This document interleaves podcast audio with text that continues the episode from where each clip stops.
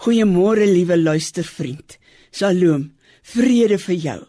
Ons is besig om te kyk na geleenthede in die Bybel waar mense uit die dood opgewek is en wat dit vir ons in ons eie lewens beteken.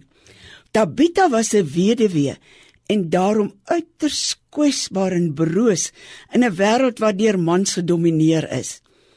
En ten spyte daarvan was sy 'n besondere vrou, altyd besig om goed te doen, om die armes te help. Ons lees dit in Handelinge 9. Geen wonder dat die mense na Tabitha se dood met hartseer die mooi kledingstukke en ook onderklere wat sy vir hulle gemaak het vir Petrus wys nie. Die feit dat sy 'n Joodse en 'n Griekse naam gehad het, dui waarskynlik daarop dat beide Jode en Grieke in haar barmhartigheid 'n heenkome gevind het. Tabitha het nie gediskrimineer tussen ryk en arm, Jood of Griek nie. Sy het dit reg gekry om oor alle grense heen liefde te bewys. Hierdie storie gaan egter nie oor Tabitha nie. Dit gaan oor God wat hom deur Tabitha heen ontferm.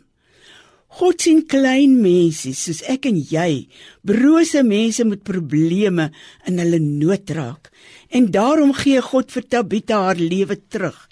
Hy wil hê sy moet voortgaan om sulke mense te help. Tabitha was self beter af waar sy was, daar by haar meester. En dit moes vir haar maar swaar gewees het om nou terug te kom na die lewe, 'n lewe van dienslewering toe. Moontlik is jy as hulpverlener ook soms moedeloos en jy voel geestelik heeltemal dood. Jy kan nie meer nie, jy wil nie meer nie, jy wil opgee.